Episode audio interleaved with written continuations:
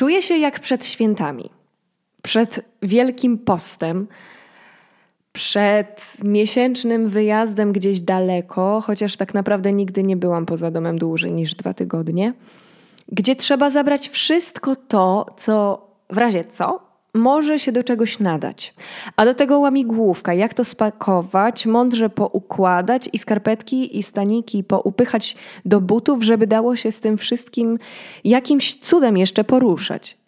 Jakby cały ten miesiąc przed sesją, te spięcia, napięcia generowane w nadmiarze i przekazywane samorzutnie, ogarniające wszystko i wszystkich, samo napędzająca się atmosfera podniecenia, słowem, jakby ta gigantyczna energia kumulowała się i piętrzyła, aż za moment zawiśnie, wyczekując momentu totalnego rozładowania. To jak przed przyjściem gości. Tak to przynajmniej wyglądało w moim domu. Planowanie menu, dwudniowa ekspedycja spożywcza, Maraton przez supermarkety, sklepy mięsne, piekarnie i warzywniak u pana Andrzeja. Dwa rodzaje mięsa, no bo przecież jeden wujek twierdzi, że kurczak to nie mięso, więc dla niego będą zrazy albo karkówka z majerankiem i czosnkiem. Tę karkówkę z majerankiem i czosnkiem trzeba zamarynować dzień wcześniej, a wege to sobie będziesz robiła, jak będziesz miała swój dom, bo jak się goście dowiedzą, to przyjdą z kiełbasą w walizce, bo będą myśleli, że wrócą głodni do domu. My byliśmy na takim właśnie weselu, tak zwanym wegańskim, na którym trzeba było podjadać schabowe szmuglowane pod stołem. Terror czystości, terror lśniącego sedesu i pachnącej glazury.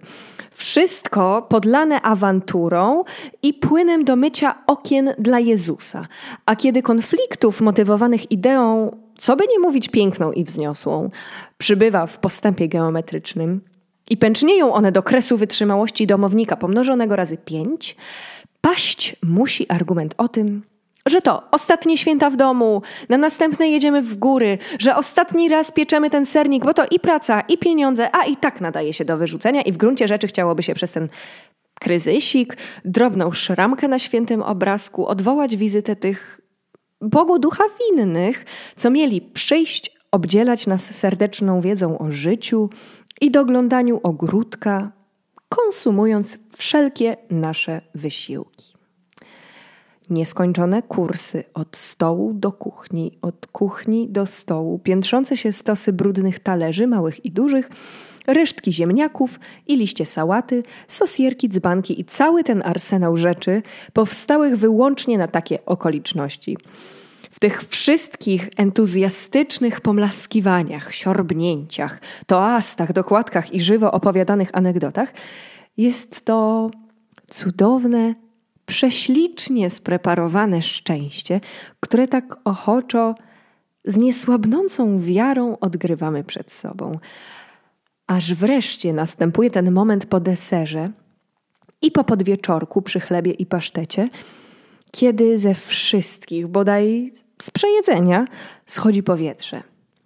Atmosfera, w której zawieszeniu i rozgrzaniu tkwił wcześniej potencjał drobnej politycznej szpilki, traci swój dygot, kostnieje, wszyscy zaczynają się w sobie zapadać, kołysać na krzesłach, starając się od czasu do czasu nieudolnie skomunikować ze światem, za pośrednictwem długich, ociężałych westchnień i. Hmm, no tak. Hmm. Coś nam to nagle przestaje smakować. A potem pójdą, dziękując najszczerzej za wszystko, bo ta karkówka naprawdę, naprawdę pyszna. Więc jeśli można, zabierzemy ze sobą dokładkę i to będzie już. Jeszcze kilka serdecznych ukłonów i buziaczków przesyłanych w reżimie sanitarnym. Na koniec zostaje tylko krajobraz po bitwie. Kłębowisko tłustych serwetek i obrus z brunatną plamą, zaleczony morzem soli. I sałatka jarzynowa, która przez parę dni będzie dogorywać w lodówce i wypuszczać pędy. I nic. Tak się czuję przed swoją ostatnią szóstą sesją na studiach.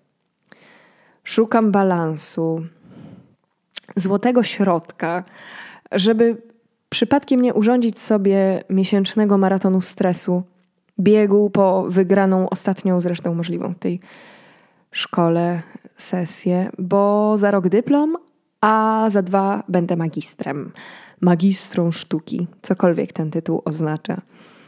Widząc swój nasilający się obłęd i korzystając z całej, zdaje mi się, szerokiej wiedzy o sobie, usiłuję przygasić nadprodukcję myśli i nadreakcję na bodźce.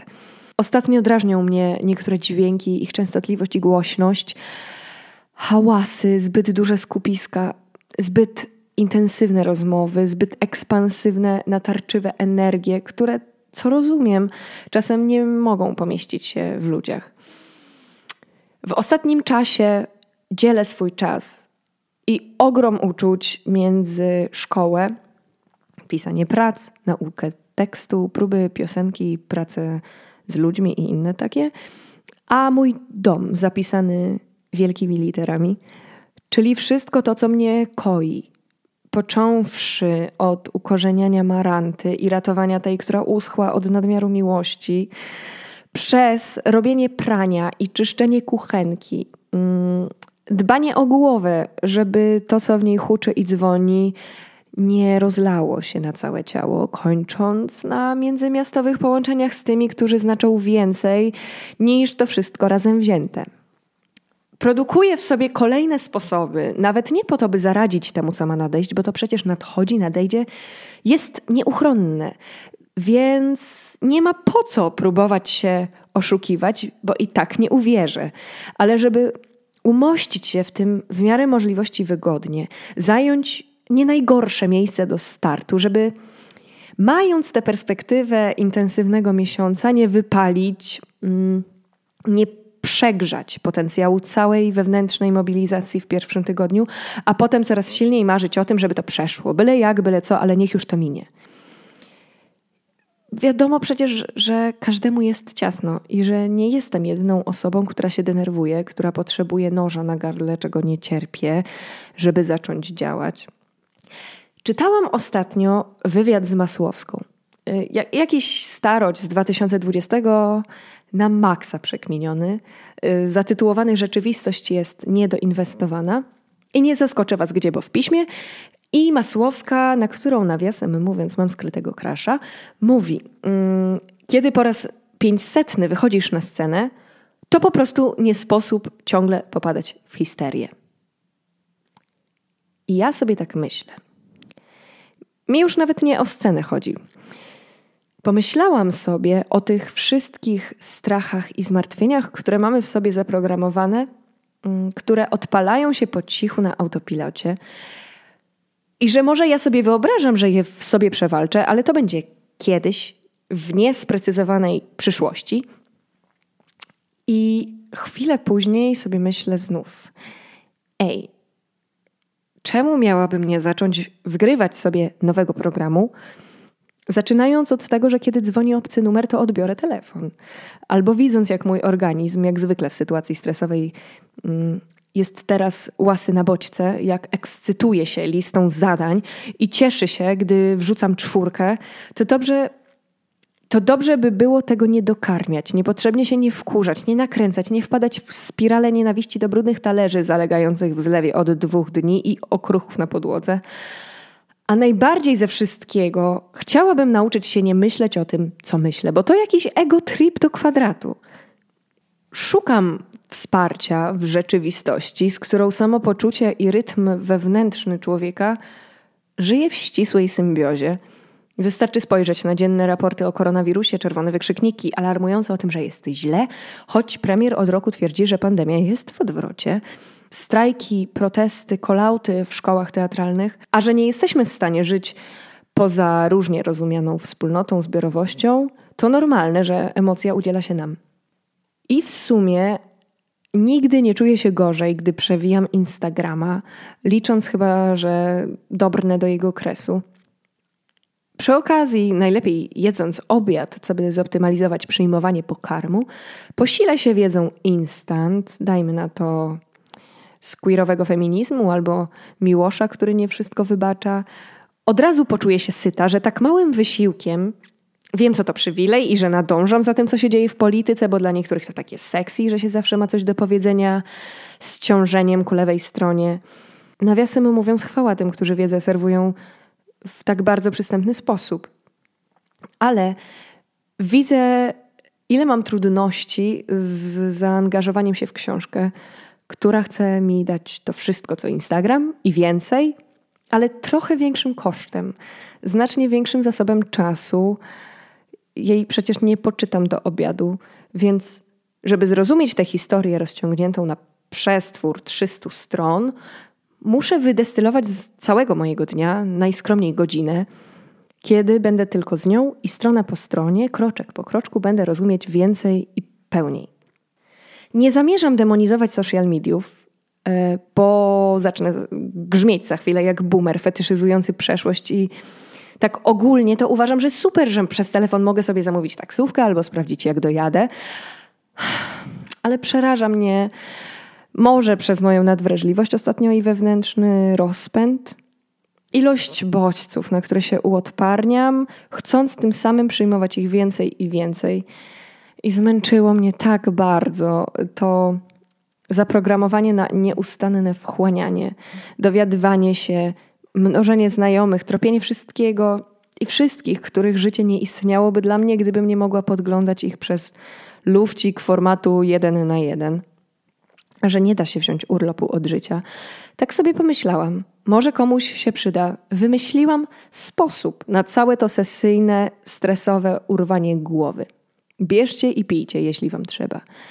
Otóż, wymyśliłam sobie, że oprócz powrotu do codziennego pisania i lania słów ciurkiem, tak jak układają mi się pod palcami w moim papierowym życiu w zeszycie, to będę jak moja babcia czytać codzienne gazety i tygodnik powszechny, a na początku czerwca kupię miesięcznik, nowe pismo.